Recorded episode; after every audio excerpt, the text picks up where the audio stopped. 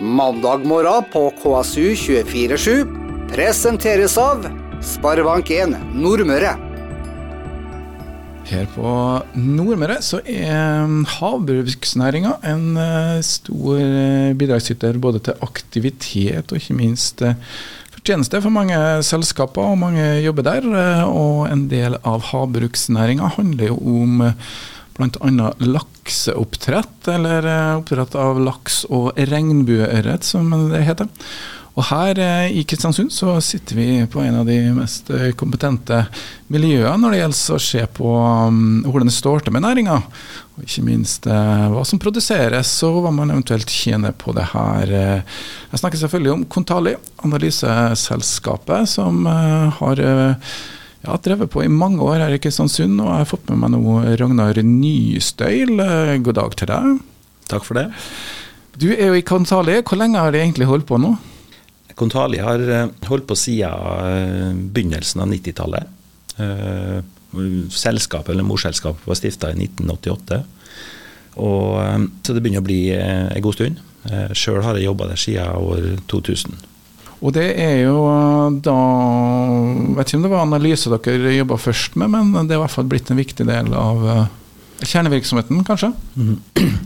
Eh, som i dag så har egentlig sånn både konsulentdelen og analysedelen levd side om side. Eh, de første åra, når eh, Lars Liabø, som grunnla selskapet, starta opp, så var det mest på rådgivningskonsulentsida. Men fra første dag så var det ideen til Lars at det var analyse som skulle være levebrødet for Kontali.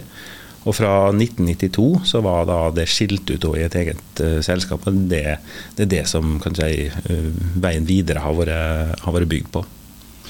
Kjernen altså, analysen de siste årene. Og du Ragnar, hva slags rolle er det du har i Kontali nå? Jeg er chief analyst, som det heter på fint internasjonalt, men sjefsanalytiker. Så jeg jobber med si, det som er kjernevirksomheten vår i å Eh, forstå markeder for eh, laks, ørret, men eh, egentlig jobber Kontali med, med, sjømat. Sånn at det er mange andre segmenter enn bare laksemarkedet som vi, vi dekker. og da, da snakker vi om et, et, globalt og internasjonalt fokus og marked. Vi skal komme tilbake til laksebiten, men ta dere sjømatmarkedet som du nevner, bare sånn at vi får litt sånn perspektiv på det her. Vi tenker jo at laks og ørret er ja, Det er det de holder på med når de driver med oppdrett, er ikke det sånn? Jo, det er litt det norske, det norske tankesettet. Og, ehm, og, for all del, det er en kjempeviktig sektor i, eh, i akvakultursektoren. Men eh, hvis en starter på toppen, så, så, er jo sjømat det består jo egentlig av, eh, av ressurser fra både fiskeridelen, som også er kjempeviktig her i Norge, men også akvakulturdelen. Og ehm, vi, vi snakka egentlig om at du har totale ressurser på, på, på verdensbasis på, på 170-180 millioner tonn.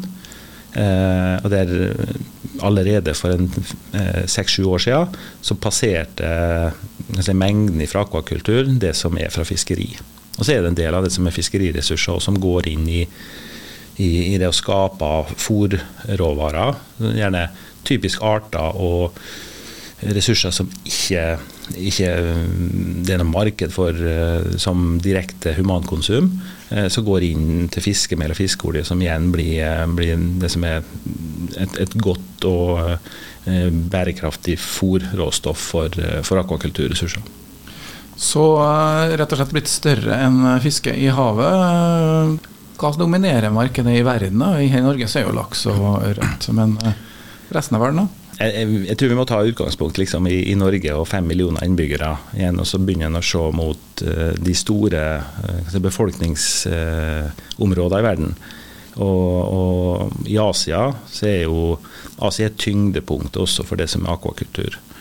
Og da er det For oss i Kontali så det er klart at vi prøver å se på arter, segmenter som både er viktig i forhold til, til nutrition, eller det å, eh, å, bringe næringsrik mat eh, på bordet. Eh, men også at det er en viss sånn kommersiell interesse. Vi skal leve av vi og, og, tjene penger. Men Men det er klart karpe og alger, altså tang og tare, som også i Asia blir brukt veldig mye, det står for en, en veldig stor del av det som er, er tilgjengelig globalt. Men begynner å se på arter som eh, kanskje har vokst raskest de siste 10-20 åra, og eh, arter som er, er mest eh, si, kommersielt handla over landegrensene så er, er det varmtvannsreker som er den, kanskje den store og mest voksende kategorien. Scampi? Skampi. Eh, ja, kjært barn har, har mange navn. Eh, men det er, det er, en, det slektning av vår kaldtvannsreke eller grønlandsreke som vi har her. Men eh, typisk for det som er i akvakultur, er, er at det er eh, arter som har sin opprinnelse fra, som finnes i, i, i vill tilstand men da som er i tempererte soner og varmtvannsreker. Men vi er jo i et kaldt uh, område, og det er jo veldig bra for laksen. Den trives jo uh, aller best når det ikke blir for varmt. Uh, det har vel en del forsøk på landbasert oppdrett vist at det kalde atlantiske havet, det er det vår fordel ligger. Ja da, og det skjer nå i utbredelsen av, av laks som blir oppdretta. Så er det bare si, marginale områder på verdensbasis som egentlig har eh, mulighet for å, for å, ha de riktige sjøtemperaturene. En sier jo gjerne at eh, for atlantisk laks er det 8-12 grader eh, er optimal temperaturen, sjøl om laksen overlever fint eh, ned mot eh, ganske få altså marginale plussgrader. Men en ser jo at hvis sjøtemperaturer begynner å nærme seg 17-18 grader, så, så får en utfordringer og problemer med, med det som er produksjon av store, store mengder laks. Så altfor mye sommertemperatur i badevannet vårt er rett og slett ikke like sunt for eh, laksen, da? Nei, det er ikke det. Så har, har heldigvis eh, si, næringa utvikla seg sånn at eh, vi kan nyte godt av eh, overflatetemperaturer som er litt eh, høyere. Og så er mm, mæren og si, industrien har utvikla produksjonsenheter der eh, en likevel kan finne laksen. At han kan gå på et større dyp. da. Og Da kan vi nå gå eh, løs litt på um, hvordan står det til i eh, bransjen. Skal vi ta paraply eller helikoptersyn her først? Nei, Det er så tørt og fint og fint vær nå at vi, vi, vi, vi dropper paraplybiten og tar helikoptersynet. Og, um, de siste to-tre åra så har jo laksenæringa globalt egentlig vært prega av at uh, det er, det utfordringer med å, å, få til vekst. Uh, et sammensatt bilde, egentlig. Men uh, først og fremst så går det litt på det her med at du har det begrensa antallet områder, og lokaliteter, som egentlig er egnet for lakseoppdrett. Og så ser en at mm, så å si alle lakseproduserende regioner har utfordringer med å få eh, såkalt 'license to produce'. Altså Her er det eh, konkurrerende eh, formål til å bruke kystsona som er, mm, står i sentrum. Det er mm, en del motstand mot uh, laks i enkelte områder, som, som uh, gjør at en politisk møter motstand faktisk med å opprettholde den produksjonen som er, er etablert allerede. Og så ser en at det har vært veldig mye fokus på å jobbe ekstremt mye med å tenke nye produksjons- både metoder og områder. Da snakker vi om mer havgående eh, oppdrett av, av, laksefisk, men også landbasert. Men det er, ja, det er, investeringsområder og utfordringer som lar vente på oss i forhold til at det har et sånn markedseffekt. Eh, så det her gjør jo egentlig at det, når det ikke er vekst i produksjonen, og en har et, eh, et, et, en etterspørsel etter produktet laks som er stadig stigende og når nye regioner, så er det en ubalanse der. Og så dermed så har vi situasjonen som vi hadde siste eh, året eller etter covid, eh, en økende laksepris? Ja. Hele de to-tre siste åra så har en økende laksepris vært, vært fenomenet. Og nå i dag så har Norges sjømatråd, som jeg kan si eh, markedsføringsorganet for, for, norsk sjømat. Den publiserte eh, oktobertall, altså hvor mye var eksporten for sjømat i, i oktober.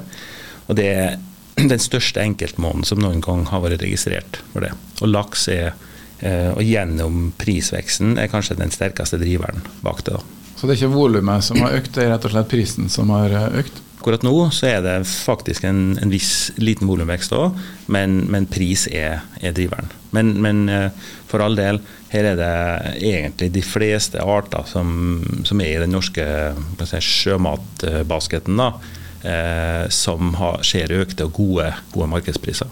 Så 2023 som er et, eh, ja, det er et merkeår for bransjen. Eh, vi snakker da selvfølgelig om skattenivå og den biten. Så har man kanskje tjent mer enn eh, noen gang, går det an å si det sånn? Ja, det, det, tror jeg nå ikke hele 2023 er over. Men ser vi spesifikt på, på den norske si, laksenæringa, så er nok inntjeninga per både, både, totalt, men også per kilo, da, det vil nå et rekordnivå. Men som du sier, det er noen eh, utfordringer i bildet her. Det er mm, rett og slett én en ting er selve produktiviteten. Det handler kanskje også litt om fiskehelse, det handler om marked, det handler om teknologi, det handler om mange forskjellige ting. Det skal vi ta en liten uh, dypdykk i. For dere som da vil uh, høre det dypdykket, så anbefaler jeg at dere uh, tar og sjekker ut vår nettside. Der skal vi publisere hele intervjuet. Det blir den nye modellen. Og da skal vi virkelig grave oss ned i tallene. Men sånn for oss som ja, indirekte lever folk jobber med det her i vår region. Møre og Romsdal er jo en stor Eh, arbeidsmarked som er knytta til havbruk. Eh, lakseskatten. Eh, går det an å, å, si noe litt om utsiktene, eller er man på vent med alt nå til man får avklart skattenivå og den biten der? Mm. Vi, vi, vi, oppsummerer omtrent ca. et år nå siden bomben kom fra sittende regjering på at her, her vil en grunnrenteskatt på laksenæringa. Ikke hele havbruksnæringa, men da på, eh, på der inntjeninga er best, som er, er laksenæringa. Og eh, det har vært et år som har vært prega av eh, veldig stor usikkerhet. Veldig stor uenighet om er det riktig modell, hva, hva blir resultatene, hva er konsekvensene av det. Og per i dag så er jo skattenivået det, det ble eh, kjent og avklart eh, egentlig i, i sommer. Eh, det i motsetning til forslaget som var på 40% utover selskapsskatten på 22 så landa det i, en, i et forlik på 25% men fremdeles er veldig mye usikkert rundt hva, hva vil det bety i praksis. Hva, hva slags inntektsgrunnlag skal han faktisk beregne den skatten av? Og, um, og ikke minst fradragsordninger og hvordan vil næringa tilpasse seg også den skatten. For det som er litt spesielt med en grunnrenteskatt, det er jo at jeg tror både, både næring de fleste har regna med og forventa at her ville det komme en, et ønske om at næringa bidrar mer. Og Det tror jeg næringa stort sett har vært Eh, klar over og, og forberedt på. Men i å få det inn i en form som kalles en grunnrentebeskatning, som Norge har en, eh, en kjempesuksesshistorie bak når det gjelder petroleumsskattelovgivninga, så er det sjøområder som da er bestemt her at skal Altså aktiviteten på sjøområder. Og um, kanskje det, det, første punktet som uh, mange har reagert på når det, når det kom, er jo det at uh, laksenæringa er egentlig en verdikjede som består av så mye mer enn bare det som skjer i sjøfasen. Det er en veldig lang, uh, kapitalintensiv og fase som er før sjøfasen, med smolten eller det som er utgangspunktet. Både du skal ha stamfisk og du skal få, et, få egg eller rogn til å avle yngel og smolt på. Og faktisk den delen av næringa som det har vært eh, satsa mest på, og som var midt inne i en kjempestor investeringsbølge, eh, vil jeg si. Og ekstremt mye aktivitet fra laksen blir tatt opp av merdene, eh, slakta, eh, foredla, og da går til 95 av det går til eksportsalg. 95% Så det er rett og slett uh, uavklart nå, og noen snakker jo om uh, normpriser, beregningsgrunnlag. Og det er jo På ene sida har jo myndighetene, eller skatteetaten, vil jo da prøve å finne en måte å beregne det her på. Og så vil jo kanskje næringa tilpasse seg det som kommer. Så det er jo egentlig det vi venter på nå. Hvor blir, hva skal man måle på? Ja da, det, det, det tror jeg alle både venter på og jobber med å finne et, et, riktig nivå. Eh, for der har nok eh, næringa har ikke tenkt slik mm, at, at, her skal vi tilpasse oss eh, et skattenivå når de har si, rapportert i sine ordinære selskapsregnskap eller finansregnskap. For mye av den verdikjeden består av selskap som er spesifikke for de ulike leddene av verdikjeden. Men integrasjons altså det er veldig høy integrasjon i, både i Norge, men ellers i verden og på uh, innenfor laksenæringa. Det vil si at selskap eier alle deler av de prosessene? Ja. Selskap eier eller kontrollerer, eller har uh, altså eierandeler, enten det er i, i, fellesskap, flere selskap som går sammen om allianser, deleierskap, men aller mest sånn er det, er det med majoritetseierskap der eh, selskapet har kontroll over hele verdikjeden. Men det er fordelt og stykka opp i, i ulike aksjeselskap eller eh, selskap. da. Uavklart situasjon, den eh, vet vi når det kommer noe konkret ut av eh, det her? Nei, jeg tror det er en vi, vi, får ikke Det er en lang reise. For det første så er det bestemt nå, i og med at et Eh, nå er fortsatt et eh, høringsutkast eh, ligger der på hva skal et normprisråd gjøre. Det er ikke oppnevnt ennå. Nedsatt. Mandatet er for så vidt ikke fullt ut klart. Når denne skattenyheten kom, så var det jo kanskje det viktige punktet som mange reagerte på, var at den skatten skal gjelde fra 1.1.2023. Og forslaget hadde en høringsfrist på 4.1 samme år. Altså, så, så, her det, er det bestemt at det skal være tilbakevirkende på noe som ingen vet faktisk hvordan blir. Og første året her, 2023, der er det, der er det sagt at uh, det skal være en egenfastsetting av inntekter som det skattes av. Uh, og så blir det fra 2024 at et normprisråd sine vurderinger uh, eventuelt skal, skal, gjelde. Så med, med en sånn innfasing, i tillegg til det som garantert blir uenighet og, og nær sagt testing, kanskje både imot uh, uh, altså Jeg tror ikke vi unngår rettssaker og at noen vil prøve det her eh, legalt. Um, så snakker vi nok mange år før at du får en, får en, avklaring. Men det er i hvert fall en ting som er klart at uh, overskuddene for 2023 de kommer til å bli beskatta på et eller annet nivå. Ja, ja da. Eh, ordinær selskapsbeskatning eh, den, den, løper jo som før. Eh, vi har òg si, skatter og avgifter som er bestemt gjennom at kommunene og de som tilrettelegger for både kommuner og fylkeskommuner, dem er det allerede bestemt at skal ha en større andel òg. Som ikke går direkte gjennom skattedelen og, og overføringer over statsbudsjettet, men som går gjennom et eget fond og en produksjonsavgift som både har vært innført for noen år siden, men også øker nå i det forliket og det, det, som har kommet som en pakke rundt grunnrentebeskatning.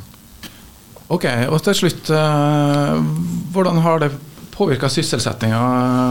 Jobber det flere i bransjen nå? Er det mye jobber som er forsvunnet allerede, eller er satt på vent? Jeg tror det, det som òg var når, når denne modellen for grunnrentebeskatning kom, eh, så ble det veldig klart ganske tidlig, og, og fra både næringa sin del, oss som mm, satt og, og, kjenner dynamikken her, eh, påpekt at her er det ikke eh, de aktørene som sitter med mm, si, produksjonskontrollen som i første rekke blir ramma. Det er alle de leverandører og, og miljøer som da er, har nytt godt av et uh, stadig uh, voksende investeringsnivå. For det næringa har fortsatt mange utfordringer som i takt med god inntjening, så har det investeringsnivået har vært sterkt voksende. Og en har sett det òg i, i at hele leverandørsektoren har hatt, en, hatt sterk vekst, både i omsetning, men også sysselsetting, som er, kan spore tilbake da, til, til havbruksnæringa. der har en sett tap av arbeidsplasser. Der er det fortsatt uh, utfordringer for mye av det som var gjort av investeringsplaner fram til for ett år siden. Det er lange prosjekter som en ikke avslutta, men det er nyinvesteringer som uh, da i, stor grad har blitt satt på, på vent. F.eks. et slakteanlegg som uh, utsatt uh, ikke bestemt ikke satt i gang. Det er den type du ja. snakker om. Mm. Ja, ja. Og Det angår jo en del på Nordmøre også. Um, vi skal ta litt mer detaljer, fordi at uh, Ragnar har jo vært på da, produktivitetskonferansen som uh, Kontali arrangerer hvert år. De har holdt på en stund med den også, Ragnar. Hvor lenge har det vært med deg? Du, eh, i år så var det nummer 24 i rekken. Det har ikke vært i Kristiansund hele den tida. Ja, det var en to-tre år det her var holdt eh, andre steder i Norge. Men eh, nå er vi i hvert fall 20 år der vi har, har brukt eh, Kristiansund og, og, og hjemplassen som, eh, som, base eh, for det òg. Og Det er jo plassen du skal være hvis du skal få alle detaljene. Og På den eh, produktivitetskonferansen var det i hvert fall ett um, foredrag som jeg syns var litt interessant. Um, og som var litt spissa, kanskje. Hvem vet? Eh, kostnadsvekst. Hvem sitter igjen med hva? Altså, hvem tjener pengene? Det er det man gjerne vil ha svar på. Så sjekk ut altså intervjuet når det blir lagt ut. Og for deg som da har lyst til å høre det her intervjuet, så det er ikke bare på nettsida du kan uh, høre intervjuet. Det legges også ut via vår Radioplayer-app, hvor alle intervju blir lagt ut i etterkant av programmene. Så det er bare å følge med der, så får du alle detaljene. Eh, nå skal vi ha litt musikk. KSU 247. Vi har uh, besøk av Ragnar Nystøl denne uka. og Han jobber jo i Kontali som sjefsanalytiker. og um, kan vi ikke ta en liten prat nå, Ragnar, om litt av det som var hovedpunktene på selve produktivitetskonferansen? Eh, det handler jo bl.a. om ja, produktivitet, som det selvfølgelig heter, og uh, fiskehelse. Da, litt om markedet, valuta, og også litt om eh, hvem som sitter igjen med hva, herunder staten og skatteetaten også. Men vi, la oss begynne litt med produktiviteten, for det er jo der på en måte det hele starter. Hva greier man å produsere, og hvordan får man utnytta ressursene? Hvordan å stille seg spørsmål, hvordan ligger det an med produktiviteten i lakse- og ørretnæringa? Mm. Da skulle du vært på konferansen, vet du. Du var jo der, Charles. Men uh, la meg ta litt um, uh, altså Konferansen er jo en årlig, årlig sak som vi, vi avholder. Og vi har tre uh, sånne faste poster eh, som egentlig går på Spiller litt på barometeret. Og, eh, og, produktiviteten, det er liksom det er, det er en sånn Kontali-sak som vi, eh, vi, prøver å eie og følge utviklinga på. Både i Norge, men også, også internasjonalt. da, Og benchmarke Norge mot andre, andre laksenasjoner. Så har vi fiskehelsebarometeret, og der har Veterinærinstituttet vært velvillig i alle de år å ta turen til konferansen for å, å legge fram liksom, hvordan ser fiskehelsebildet ut, eh, da med fokus på Norge, ifra, ifra det instituttet sin side. Og så har vi markedsbarometeret, som eh, vi også da dekker fra Kontali sin side. Og um, ser en på på produktiviteten, så er det klart at da produktivitet det er jo egentlig hva, eh, hva får du ut av output, eller produksjonsoutput, ifra det som er, er innsatsfaktorer. Og, og, hvor effektivt er innsatsfaktorene benytta inni det. Og det gjelder i alle produksjoner, og enten du produserer tømmer eller spiker eller, eller laks eller Kanskje radioprogrammer og Kanskje ikke, men ja, det handler i hvert fall om at her skal det nå et produkt ut. Men underveis da, så handler det om eh, Hadde det ikke vært mulig da å ha laksen i ei merde og gi den fôr, og så har den vokst, og da gir en eh, pris og bedre, så hadde kanskje heller falt sammen. Men det er jo det som er hvilken eh, del av det enkelte området som spiller inn her, da. Ja. Um, det tok jo mange år før egentlig laksenæringa og ørretnæringa egentlig begynte å tjene penger. Går det an å ta litt sånn uh, historisk uh, jeg husker i hvert fall På 80-tallet var det mye konkurser, og så begynte det å løsne litt utover 90-tallet. Er det bare rett og slett prisen og etterspørselen som har økt? Nei, jeg tror det, det er ny Altså i eh, i agrikulturverdenen, da. Der, det, det, er mange tusen år siden en begynte å, å ha kontroll og gikk over fra jakte til å ha, ha husdyr på, på landjorda. Eh, men i sånn industriell sammenheng så er, er kommersialisering av det å holde um, laks som husdyr fortsatt relativt nytt. Og, um, og selvsagt så er, har dette vært drevet fram av veldig mye forskning, men, men, uh, også av uh, prøving og feiling fra enkeltaktører. Og i sin spede begynnelse så var, jo, var, det jo politisk bestemt egentlig at uh, det mantraet var at uh, laks det, det, skulle være ei attåtnæring som en kunne drive på med på, på, kysten. Det var begrensninger for hvor Det var ikke lov å konsolidere og eie flere konsesjoner i mange, mange år. Som, som enkeltselskap eller enkeltperson. Og, så hele historien her eh, egentlig prega av et langt løp der både, både liv og hjem og eh, alt har vært liksom pantsatt og, og ofra for å få til framgang i den næringa.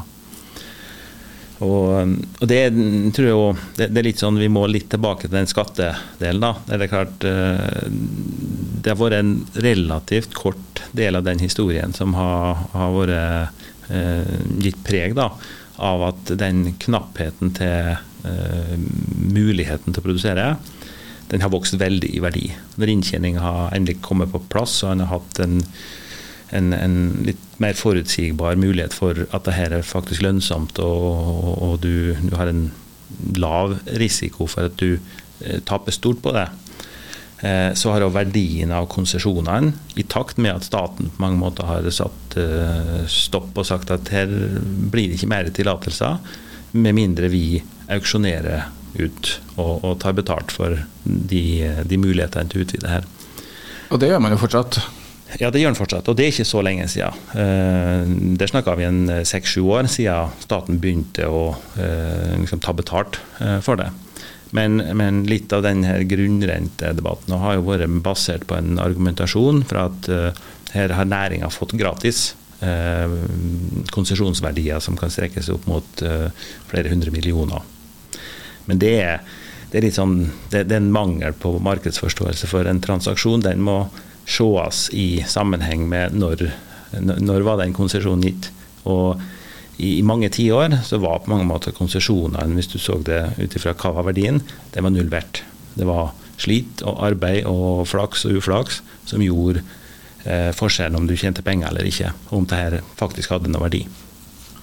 Så det, ja. det, er bra vi får den der historien der, for det tror jeg man glemmer litt uh, oppi det her. Eh, men altså, man har jo da blitt uh, mer produktiv. Man har jo funnet metoder, man har funnet fôr, og man har fått kanskje kontroll på helsa. Ståa i dag? Ja.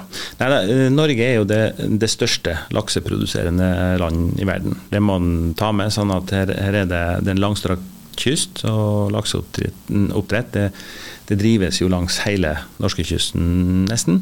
Fra eh, Øst-Finnmark og ned til Agder.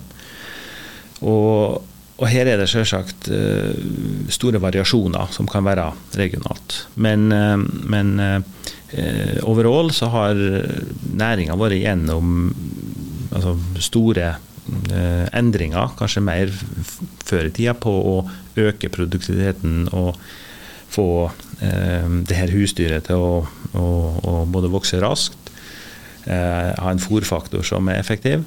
Eh, og det er litt det produktiviteten eh, tar utgangspunkt i. Hvilke innsatsfaktorer er det som er sånn de mest sentrale eh, for, for lakseoppdrett? Og, og, og, hvordan går det i den utnyttelsen av det. Og Ser en på, på, biologien og det som er sånn i, eh, i, i, merda, eh, sjøfasen, Så det er klart De viktigste innsatsfaktorene det er litt sånn, det smolten du putter inn, livdyret som skal vokse seg, seg stort. Og så er det fôret som er det tilførte. Men så er det masse andre innsatsfaktorer og, og typisk faktorer som har kostnader. Ser på kapitalen som blir brukt, eh, kompetansen og arbeidskrafta, ikke minst. Hva får du ut av det? I, i enten i kilolaks eller i neste instans da eh, kroner per kilo og, og, og verdien totalt.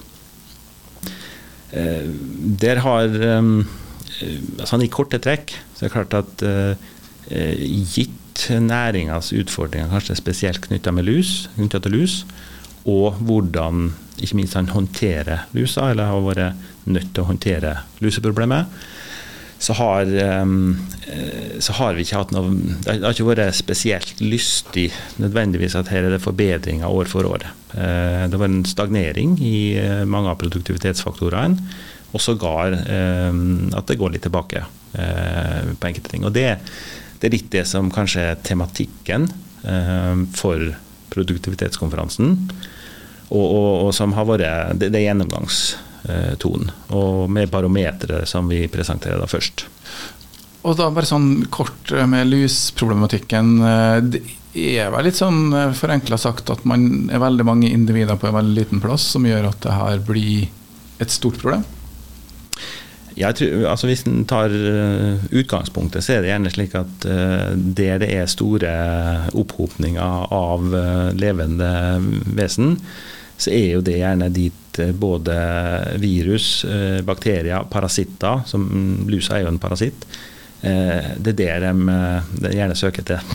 og, og, i så måte så er det klart at lakseoppdrett er jo basert på at du, du har et avgrensa område der det er mange individer som du skal, skal samle både for å ha kontroll på dem, men også for at du skal ha effektiv fòring og, og, innsanking, eller når du skal komme dit at du, du skal slakte det her òg.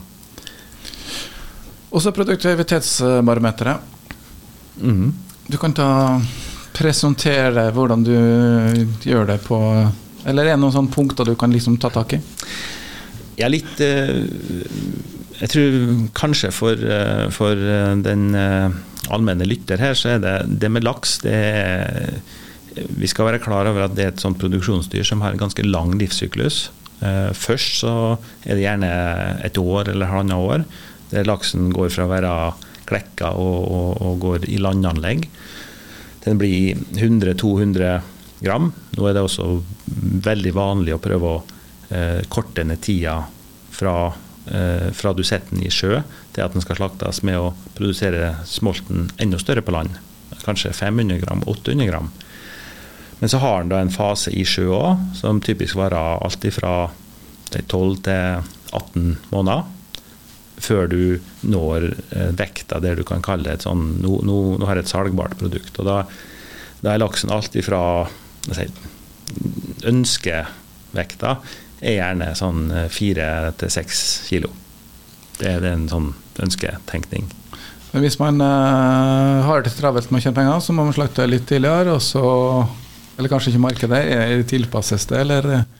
Nei, jeg tror eh, det, ikke, det, handler ikke om å slakte tidlig. Men det er heller noen av de utfordringene som dukker opp, som gjør at en, eh, en, en slakter tidligere enn ønska.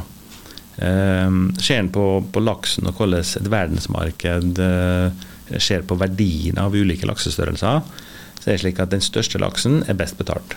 Så um, sånn inntektsmessig og inntjeningsmessig så, eh, så, er det mange som håper og ønsker og, og prøver på å få en størst mulig laks. Eh, men eh, risikoen øker også jo lenger den står i sjøen. Sykdommer da spesielt? Ja, men, men også en del av produktivitetsfaktorene øker faktisk òg. Altså Fòrfaktoren blir dårligere når du begynner å komme opp i de virkelig store størrelsene. Det som vi mennesker vi vokser mest mens vi er ungdommer. Mens etter vi er 20, så vokser vi bare kanskje ikke så på den rette måten.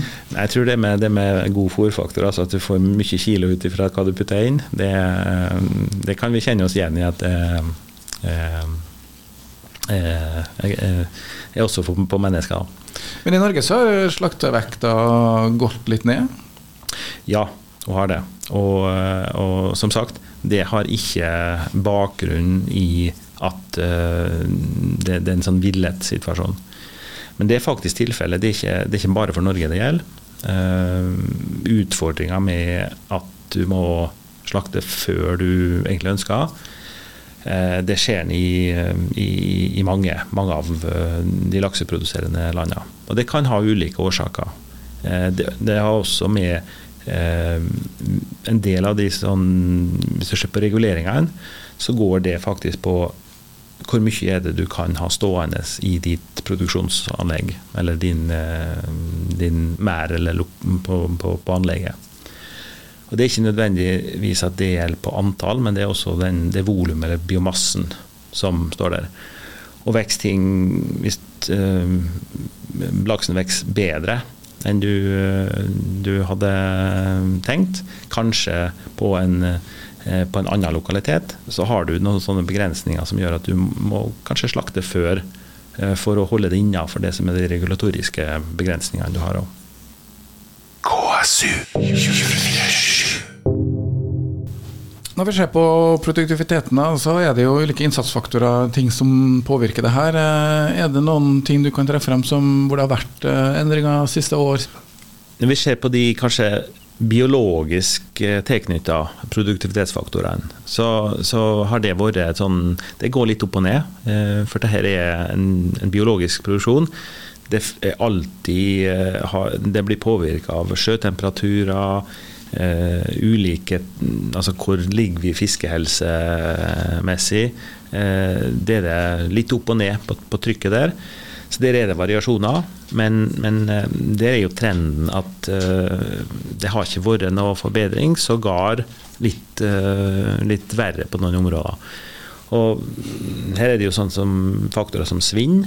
Altså hvor mye av det du setter ut, er det som dør underveis i produksjonssyklusen, eller av andre årsaker går tapt. Ja, Dødeligheten er litt opp? Dødeligheten er altså Hvis en ser litt tilbake, så er ikke svinnet eh, opp i forhold til hvordan vi, vi produserte for 12-15 år siden. Men det er samtidig eh, litt opp i forhold til de siste fem-seks åra.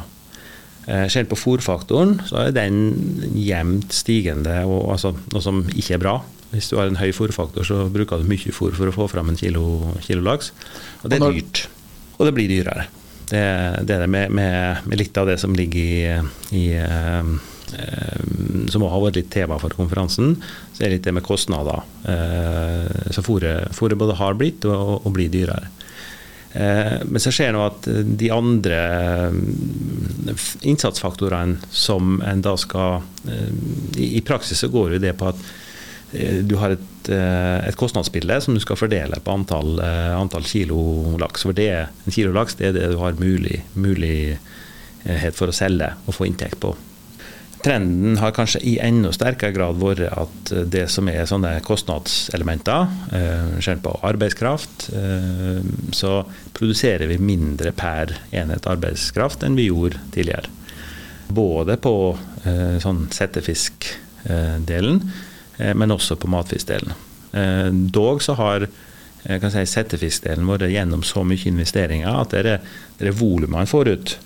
Eh, der har det vært en sterk produktivitetsforbedring per ansatt, f.eks.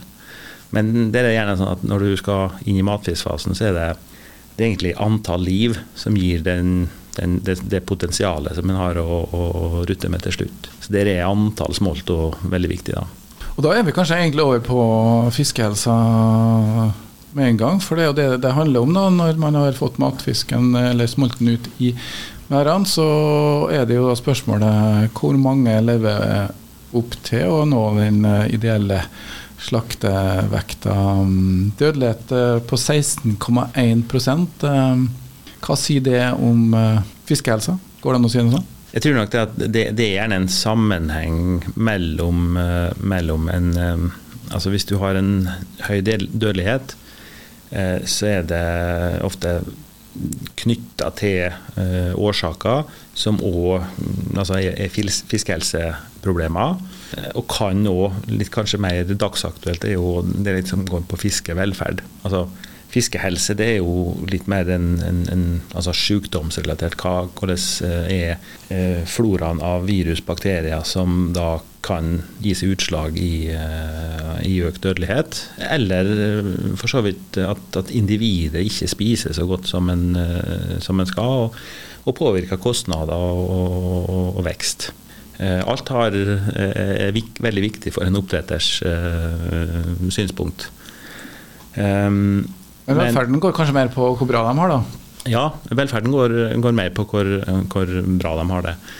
Og, og dette har gjerne litt sammenheng. Altså, eh, hvis, hvis, mange flere ikke har det bra, eh, så skjer det ofte at dødeligheten i, i den, den, mengden øker. Da. Ok, Vi kan ta litt lus etter hvert, men la oss se bort fra lakselusa, for der er jo en del dødelighet i forbindelse med behandlinga. Men de, av de andre faktorene som påvirker helsa, er det noen uh, positive trender og negative? Eh, ja, det er det. Og det er det mm, gjerne typisk. En periode så er det, er det er noen eh, sykdommer eller problemer som det går framover med. og så er det noen som dukker opp eller har større utbredelse. Og, um, og det her er det jo Eh, Veterinærinstituttet, som, eh, som, eh, både gjennom sin fiskehelserapport redegjør for hvert år, og som er fast innslag på, på vår konferanse her i Kristiansund.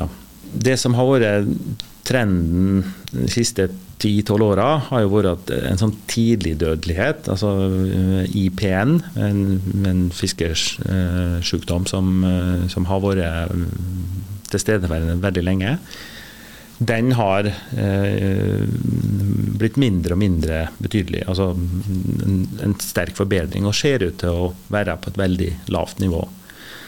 Men så er det, er det andre eh, utfordringer som gjerne har, eh, har visst at uh, her er det litt, litt verre. Uh, PD, eller pancreas disease, det har den siste tida faktisk vist en litt positiv utvikling. Så det er mindre av det.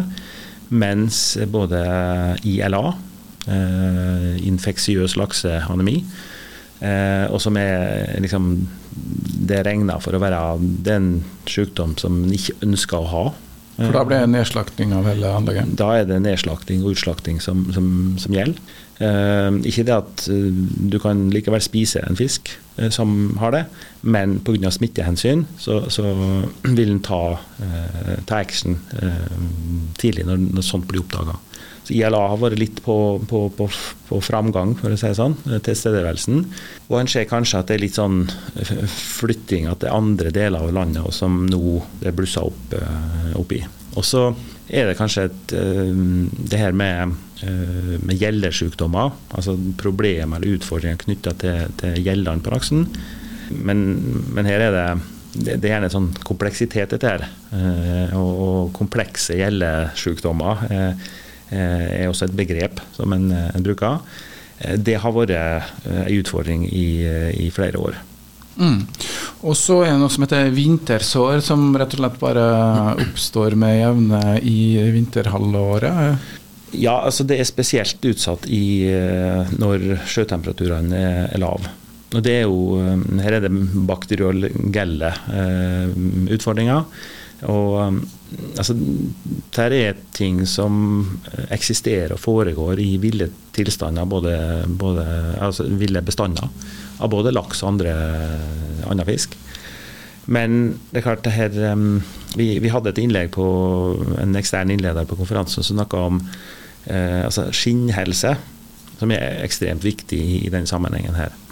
Og, og litt eh, Temaet til Karin Pittman var at eh, laksen bærer sitt immunforsvar utapå. Altså, eh, mens, eh, mens, veldig mye av eh, altså Vi som lever i, i, i luft og på landjorda, vi har et immunsystem som Mye av, av, det foregår i interne organer. Vi, vi er i kontakt med lufta hovedsakelig gjennom respirasjonsorganene og, og, og, indre organer.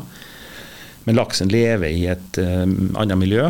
Altså er det vannet og er i kontakt med vannet eh, både på hele eh, fiskens overflate. Altså, det, er et skinn, en, en, en, skinn som er den første beskyttelsen, og der du har et slimlag utapå skinnet som er veldig viktig for immunsystemet og immunforsvaret for laksen. Og I tillegg så er det her med gjella. Der er det oksygenet filtres ut. Så, så det er ekstremt viktige organer Eh, for laksen, og både for ve og vel, eh, men også, eh, også, i forhold til hvor, hvor godt trives den. Og, og, og, da Det er litt sånn som med, med oss, det er trivselsvekta. Det er en grunn at mm. det, det uttrykket eksisterer.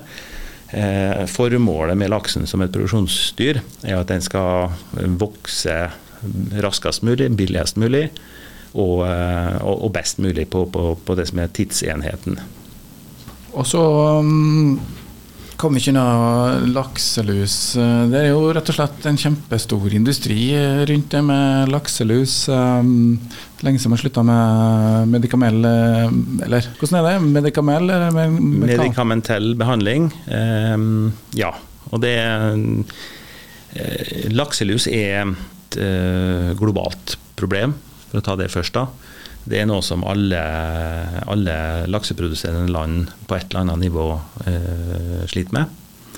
Men i ulik grad. Og, og ser en på de, de landene som produserer laks rundt om i verden, så er det ikke akkurat samme lakselustypen som, som finnes. Noen er så heldige at de har en, en litt mindre robust eh, lakselustype. Spesielt knytta til Chile og, og, og Nord-Amerika, kanskje. Utfordringsbildet er der, men det er kanskje ikke riktig så uh, sterkt som en har i Nordsjøbassenget, det som er i Nord-Atlanteren. Så lusa er rett og slett uh, tåler litt mer? Lusa er en, uh, altså et fantastisk uh, Det er jo en parasitt som lever ja. på, på, laksen, og uten laksen eller andre fisker kanskje også, ja. så hadde det vært dårlige forhold. Men det å samle da masse laks i merdet, det gir jo vekstmuligheter for lakselus. Ja, det er perfekte forhold å ha eh, en sterk konsentrasjon av, eh, av eh, produksjonsdyr, og der du har for så vidt begrensa muligheter til å, å flykte unna. Du er, du er, der, og du kan ikke gjøre så mye med det, annet enn å kanskje gå opp og ned i vannsøylen, som er en av de løsningene som må bli, bli brukt for å unngå det problemet med lakselus det er at kommer du dypt nok ned, så er forekomstene av lakselus mindre. Ja. Ehm, men, men, ja, lakselusa er, er utrolig robust, eh, og det er jo det som gir eh, si, det utfordringsbildet. Eh, og det her er jo det, det er litt sånn trekantproblemstilling. Litt av hovedgrunnen Lakselus det har fontes i all tid. Jeg husker sjøl er oppvokste med en bestefar som drev med kilenot, altså villaksfiske. Da, da, var det liksom det når laksen hadde lus, så var det litt sånn for en, for en kilenotfisker så var det, det var litt sånn sunnhetstegn. For da, det var i brukt litt sånn, for da var det nygått uh, laks. Han har ikke vært oppe i elva. Og, for ferskvann det, det, er ikke bra for, for lakselusa. Det er jo en av behandlingsmåtene å kunne Mm, utsette for ferskvann istedenfor saltvann. Spyle eller eh, svømme gjennom ferskvann? Ja, eller at det oppholder seg i. Men mm. det har òg en utrolig altså Lakselusa er utrolig eh, dyktig til å tilpasse seg omgivelsene, slik at hun utvikler resistens eller tilpasser seg omgivelsene bedre. Det, det snakkes sågar om at hvis du Eh, det er ganske stor industri å skyte lusa med laser òg. Ganske sånn high-tech innenfor. Men det å lusa har fargeforandringer for å unngå å bli uh, registrert, da, er jo eh, noe som hevdes å være en av de tilpasningsmåtene som hun overlever på. For for lusa så er det mm, Der handler hele livet om å, om å greie å nå eh, nå det at du får formere og, og liksom bringe parasittbestanden videre. Og finne verten som du kan oppnå det på. Da. Hvis jeg forstår det riktig, så er det jo to metoder som dominerer nå. Det er jo da mm, rett og slett spyling, og så er det varmebehandling. Ja. Eh, han kan, han kan tror jeg, samle det i en, i en, sånn kategori der du, må, der du sånn fysisk fjerner, eh, fjerner lusa ved å eh, gjøre at hun slipper laksen. Enten gjennom at hun, hun spyles og skrubbes, eh, laksen skrubbes, eller at du undersøkt, uh, har det med, det med uh, enten varmvann eller et varmere for en kort periode. Liksom. Nei, ikke det. Men vi snakker om en temperatur som er over det som er Altså en, en temperatur som laksen ikke vil overleve i hvis den utsettes for det for, over lang tid. Eh, det er det, men, men, eh, lusa er mye mer følsom på sånne temperaturer. Så, og det er jo det som er. Som om vi skulle ha tatt oss en tur i badstua for å bli kvitt lusa. Vi har ikke overlevd lenge i badstua, men vi greier oss en liten stund. Ja, vi tenker kanskje at det er faktisk litt behagelig. Jeg vet ikke om laksen syns det. Nei, men, men, det, det, er jo stressmomentet her. Eh, all den der flyttinga opp og ned av merder og spillinga. Så det er jo en del dødelighet rundt det her. Er det liksom uh, litt smakssak hva man velger som oppdretter, eller er det faktorer, ytre faktorer som påvirker hva man kan gjøre med lusa? Jeg tror det, det, er, ikke, det er ikke et uh, sagt, spørsmål om å velge det eller det andre. Uh, litt med referanse til at uh, laksen har så lang produksjonssyklus og tid, så er påslag av lus det kan dukke opp flere ganger i løpet av livs, livssyklusen. Og, og, da handler det litt om å ha ei verktøykasse som faktisk har flere metoder, slik at en kan, kan foreta effektive behandlinger eh, opptil flere ganger. Ikke minst det å gjøre det på en sånn måte at en ikke bidrar til at resistensutviklinga hos lakselusa da, går, går, fortere enn det hun, hun bør gjøre. Det, det, er litt sånn at lakselusa og det kravet som stilles òg til at her skal påslag og luseforekomsten være så lav som de er. Det er litt sånn um, det, altså, det, er et krav at kanskje mer enn så og så mye Ja, så og så mange lus per fisk ja. i gjennomsnitt. Og det er, det er, jo drevet Det er ikke, det er ikke av fiskevelferdshensyn uh, at det er innført i utgangspunktet, men det er med hensyn til si, risikoen for at også vill laksefisk uh, får påslag. Kan du si at laksen trives helt greit med lus? Visse mengder eh, lus, og kanskje enda, i enda større grad hvis eh, altså så lenge laksen er et stort individ og, og, og er, er, blitt en stor og robust fisk, så eh, ja. Så er ikke lakselus i seg sjøl en sånn utfordring for fisken. Men det er klart at i, i, produksjonssystemet eh, så har nå at Når vi snakker om lange produksjonssykluser på laks, så er, er generasjonslengden eh, på, på, lakselus den er veldig kort. Så den reproduksjonsevnen, og spesielt da når temperaturene er høyere, den er veldig kort i, i, i forhold.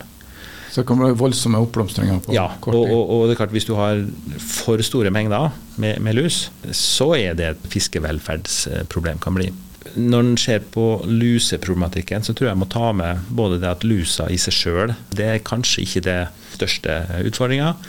Men det er alt stresset, håndteringa og, og påvirkninga som eh, både den trenginga, behandlinga, pumping, eh, for å kunne gjennomføre den, den valgte behandlingsmetoden eh, en har.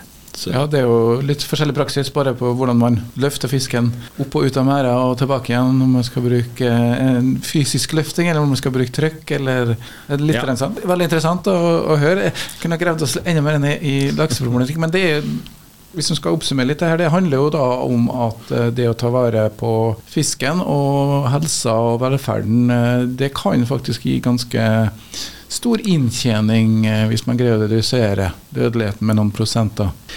Ja da, det, det, det kan jeg. Jeg kan på mange måter si at så lenge eh, på, på makronivå så er jo næringas utfordringer med å, å, greie å produsere mer, eh, og det at vi ikke har vekst, produksjonsvekst, det gir i seg sjøl bedre, bedre, inntjening for, eh, for, alle. Fordi at det fører til at prisen, eh, prisen, er såpass høy. Det er litt sånn at, eh, som vårt markedsbarometer sier, da, det er ikke nok laks til alle som, som vil ha det. Og da kan vi nå egentlig bare hoppe over på neste punkt, som er markedet. Um, ja. Som du sier, det har vært, um, ikke vært produksjonsvekst, og dermed så er etterspørselen stabil, eller er det kommet nye um, markeder inn eller tilbake? Etterspørselen er langt ifra stabil for, uh, for, for laksen. og det, det, gjør jo at vi har, uh, vi har uh, masse analytiske utfordringsbilder å ta tak i og, og følge det fra uke til uke, fra måned til måned. Men sånn i det store bildet så har etterspørselen etter laks vært stigende han har, vært, eh, han har vokst eh, sterkere enn det som produksjonsveksten globalt har vært. Og Det har gjort at eh, det er, en, viktig faktor bak det at, at prisene har, har, økt. Men ikke den, den eneste heller. Vi, vi, vi opplever selvsagt at her er det og Da er vi litt tilbake på, på Norges rolle igjen. da. Vi er et lite land som eh, lakseproduksjonen i Norge står for veldig mye av verdensproduksjonen. Men vi forholder oss da med 95% av det vi produserer, det går til andre markeder. Det, det, er mye over 100 eh, mottakerland av laks eh, i et gitt år for, eh, for norsk laks. da. Utfordringsbildet er der hele tida med, med Enten det er selskaper som eh, dukker opp, som eh, finner nye produkttyper i andre marked. Vi har handelsbarrierer, eh, historisk hatt òg, men, eh, men det skjer det hele tida nye ting. Og vi har en, en konkurranse både mellom laks fra, fra forskjellige regioner, men også opp mot andre proteinkilder.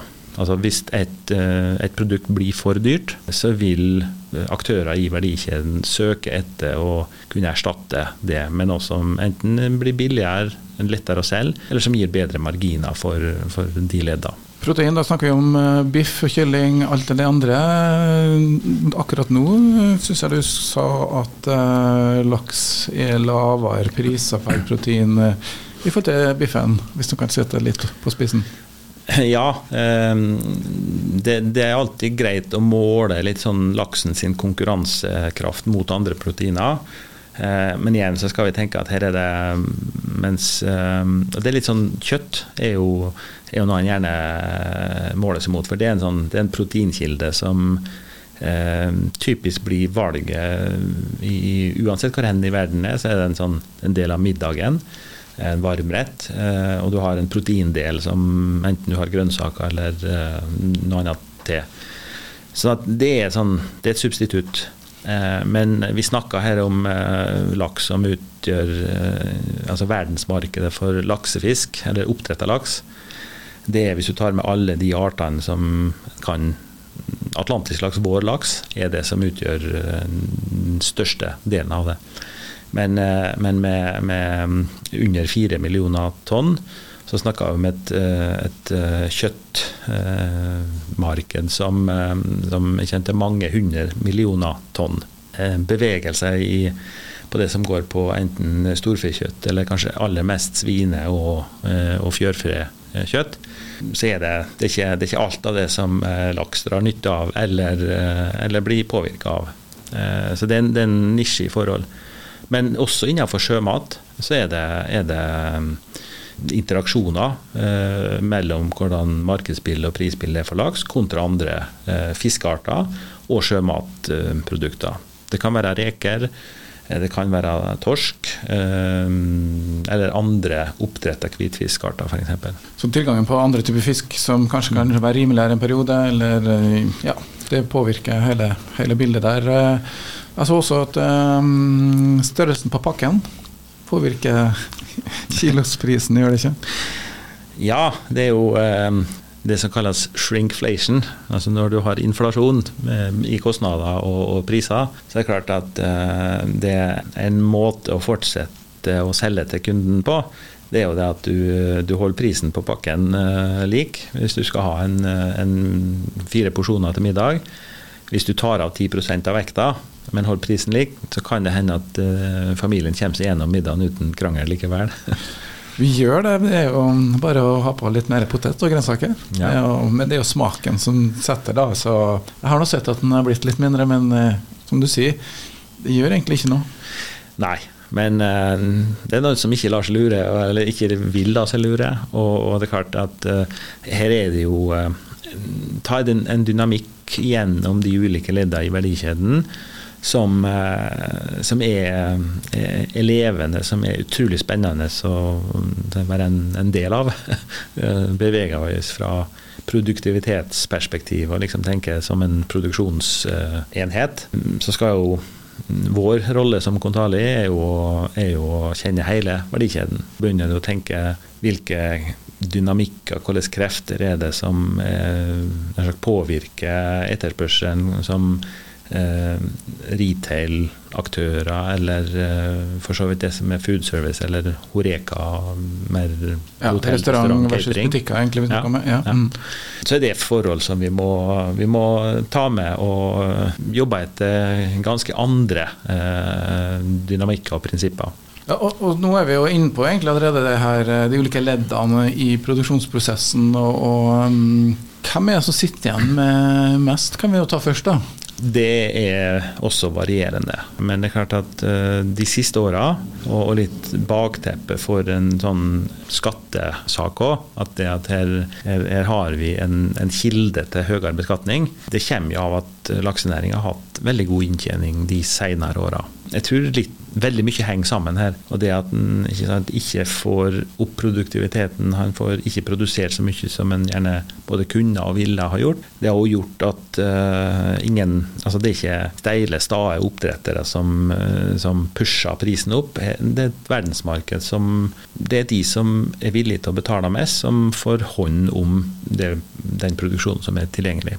Og laks eh, er et produkt som eh, i, i, de aller fleste markeder har vist seg å være eh, det er et kjempepopulært produkt. Det er litt den, eh, det som akvakultursettinga gjør med produktet, og kanskje Norges rolle òg. Det er et produkt der alle ledd i verdikjeden kan planlegge at det er tilgjengelig hver dag, hele året. En stabil tilførsel. Og det er et produkt som har en eh, veldig stor versatilitet. Altså at du kan bruke det til mye. Laks det finner en uh, både som varmrøyka, som kaldrøyka. Uh, det egner seg til grilling. Hovedingrediensen i sushi? I sushi, ikke minst. Så, ja, du sier det med um, at det er forutsigbar. Torskebestanden, sildebestanden har jo variert. Det er sesonger. Ja. Laks er vel mest eh, på våren, eller hvert fall er prisene best, er ikke sant? Ja, det er minst av en på, på våren. og Derfor er prisene høyest. Ja. Og, og, det har vært en, eh, en, stadig sterkere trend, egentlig. Og som igjen har et bredt spekter av årsaker. Så oppdretteren vil gjerne holde den i merdene noen måneder til, så den kommer ut i vårmarkedet?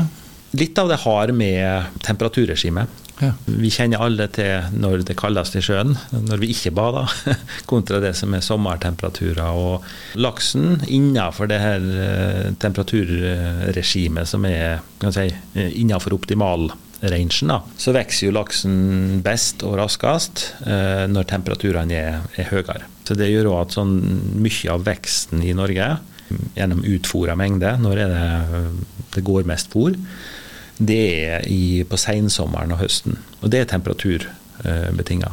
Men så har nå reguleringa som eh, på et eller annet tidspunkt ble bestemt at den mengden med laks som en kan holde i, eh, i systemet, og da snakker vi om tonnasje eh, i, i merden, ikke nødvendigvis fysisk, men også innenfor det som er tillatelsen som du har, har konsesjon, så er det den mengden er flat.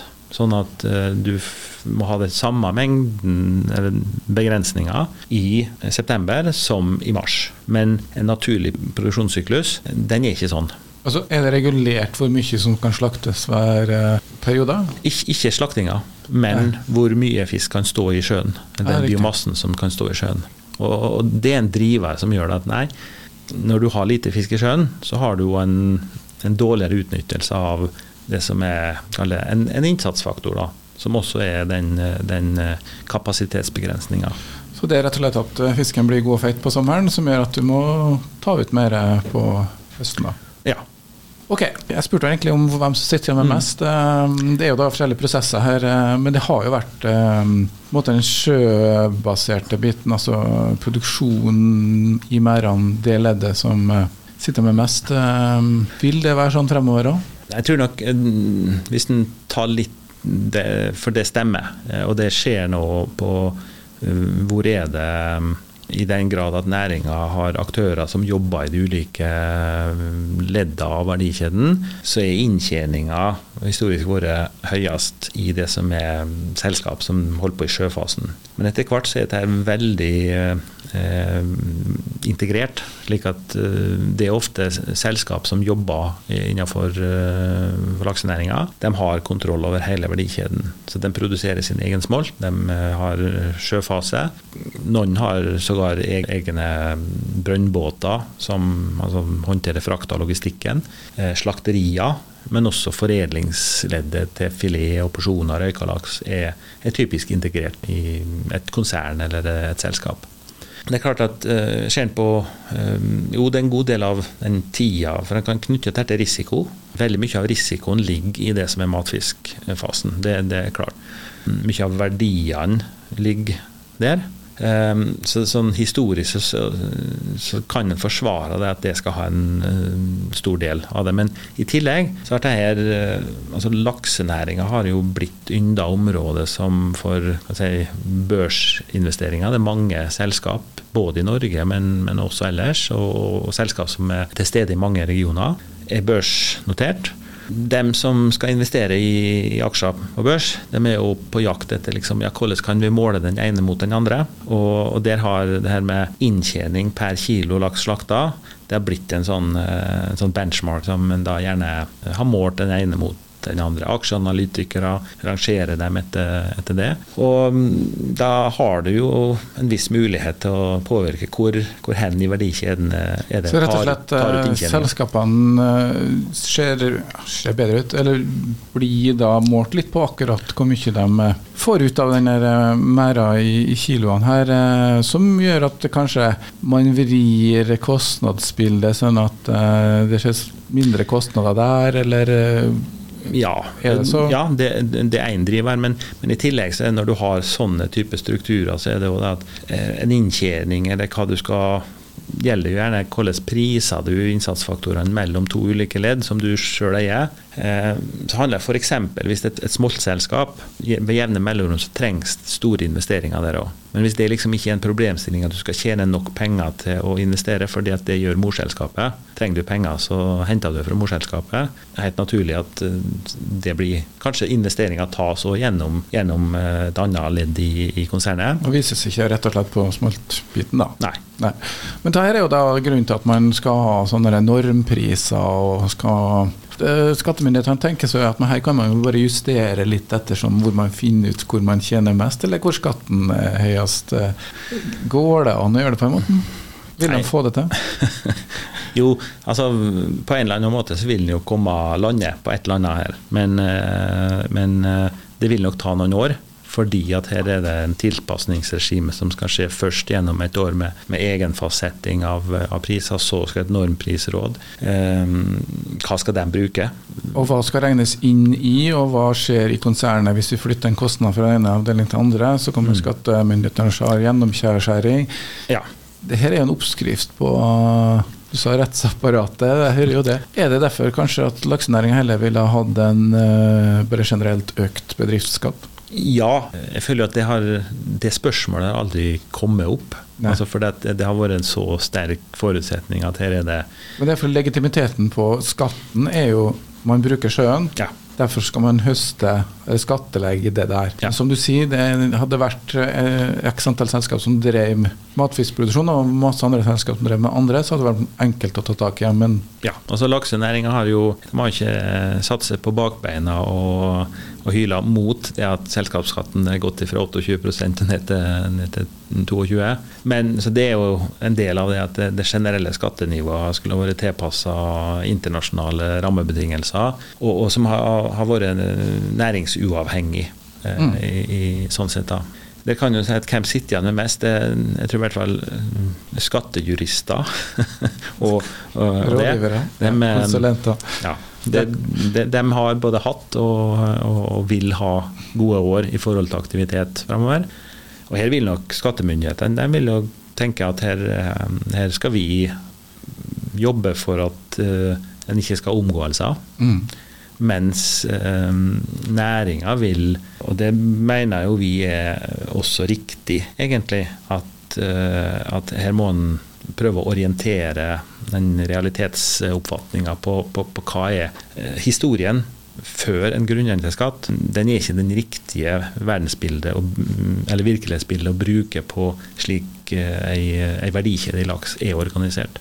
Det har jo vært utreda faktisk den skatten her eh, tidligere, og så ble den lagt i skuff. Og så ble den tatt frem ut av det blå. Men eh, siste ord er ikke sagt om det her, og det kommer jo til å gå mange år før man slags eh, normalitet i det. Men det er jo da enhver virksomhet vil jo tilpasse seg til skattenivået som det. Men det høres jo som en kjempeoppskrift på byråkrati, spør du meg. Vi kan være enige om det. Vi kan det. Vi har vært gjennom ganske mye her nå, Ragnar. Det er utrolig artig å høre eh, hvordan ting egentlig henger sammen, og noen som kan eh, det her. Du er jo da sjefsanalytiker på Kontali, og vi, vi skjønner jo hvorfor. Bare sånn helt på tampen. og Kontali har vært gjennom litt endringer, og analyse har jo vært viktigst i mange år. Skal det fortsatt være laksen som skal være viktigste området for analysen? Skal det være andre ting? Ja, um, laksen vil nok bli jeg tror jeg kjerneområdet i lang tid framover. Eh, det er det som var det det starta med. Det er nok det de aller fleste forbinder Kontali med òg, eh, er nok laks og laksenæringa. Det som er kanskje verdt å merke seg, at vi, vi jobber selv om vi, vi, har røtter som ligger til Norge, vi, vi holder til Kristiansund. Og, noe av det som har skjedd, er jo at vi, vi har ikke lenger bare, bare et sånt Kristiansundskontor. Men eh, vi har eh, et, et, nytt eierskap og en satsing fra, fra, fra nye eiere på at eh, her er det villighet til å investere. Så har vi et kontor i Oslo, men kanskje like viktig og like relevant for, for meg som sitter på, på analysesida, er jo at vi òg har et kontor i Nederland som har de siste tre åra, etter et oppkjøp Eh, av et lite selskap som hadde starta eh, med varmtvannsreker som sin sektor, analysesektor. Så har vi, eh, har vi også et, et, et, kontor i Nederland. Så rett og slett videre satsing på analysebiten er jo det, og Dere har jo fått inn da Foss, Arendal Fosse Company, hva det heter? Ja. Investeringsselskapet. Ja, vi har et, altså Morselskapet vårt heter Alytic en stor del av investeringene og, og, og satsinga eh, går jo også på å bygge en ny eh, si, distribusjonsplattform for våre analyser. Eh, et produkt som vi kaller Edge, og som eh, på mange måter gir, eh, gir brukere, kunder, en mer instant eh, tilgang til, til, hva er nytt. Der mer av våre beregninger, modeller og, og analyser gjøres tilgjengelig på en, på en web Eh. Og oppdateres hele tida, da? Oppdateres mye mer kontinuerlig enn det kan si våre produkter og løpende publikasjoner eh, gjorde før. da. Ser på, på, litt Kontali sitt virksomhetsområde eh, historisk, så, så, har jo vi alltid drevet både med å altså, gjøre analyse tilgjengelig som skal kunne være interessant uh, uavhengig av hvem du var som kunde. Som er faktabasert. altså det her er det som skjer. Les det som en produsent, som en kjøper, som en investor. Tallene og, og våre altså, konklusjoner Eh, er det samme uansett hvem du er som kunde. I tillegg til det så vi, har vi jobba og jobber fortsatt mye med kanskje mer kundetilpassa oppdrag, konsulentoppdrag, som tar utgangspunkt i eh, kompetansen som vi har, databasene som vi sitter på, og ikke minst eh, modellverk som vi har etablert med, med, med utgangspunkt i, i, i data og, og, kompetanse som vi sitter på. Som fremskrivningsmodeller, modeller som kan bygge sammen uh, ulike deler av, av, av næringa som gir en, en forståelse og en, en, mulighet til å kanskje predikere. Det er litt sånn, Prediksjon er jo ofte knytta til, til, hva skjer i framtida, men det er faktisk et, et, ganske viktig område å predikere hva har skjedd, i forhold til å få den forståelsen av hva, hvordan har ting hengt sammen. Det er jo sånn vi prøver å se inn i glasskula ved å se bakover i tid. Eh, klassisk eh, forskning, eh, men de færreste vil jo være bastant når det gjelder framtida. Dere er jo da ledende, i hvert fall her i Norge, på det her. Er konkurrent, så har de det? Ja, vi har i hvert fall konkurrerende jeg, bruker å si at vi, leverer beslutningsgrunnlag for eh, aktører som, som skal orientere seg i, innenfor en sektor, et marked. De skal ha et underlag for å gjøre eh, beslutninger, enten det gjelder strategisk karakter, operasjonell karakter. Og beslutningstakere er også veldig forskjellige i forhold til hva er det er det magefølelsen som er konkurrenten vår? Er det media? Er det chat GDP nå, eller ja, er det andre konsulentselskap eller analyseselskap. Det er ikke så mange analyseselskap som dekker den bredden, og eh, både altså geografisk og ikke minst artsmessig innenfor sjømat. Det, så, så, der har vi ikke mange sånn direkte konkurrenter. Men det er en kamp hver dag å eh, liksom skulle eh, gjøre seg gjeldende og være, være, så oppdatert at vi, vi blir valgt og, at vi har den tilliten som vi, vi trenger i markedet. Det er jo utfordringer som eh, kunnskapsbedrift.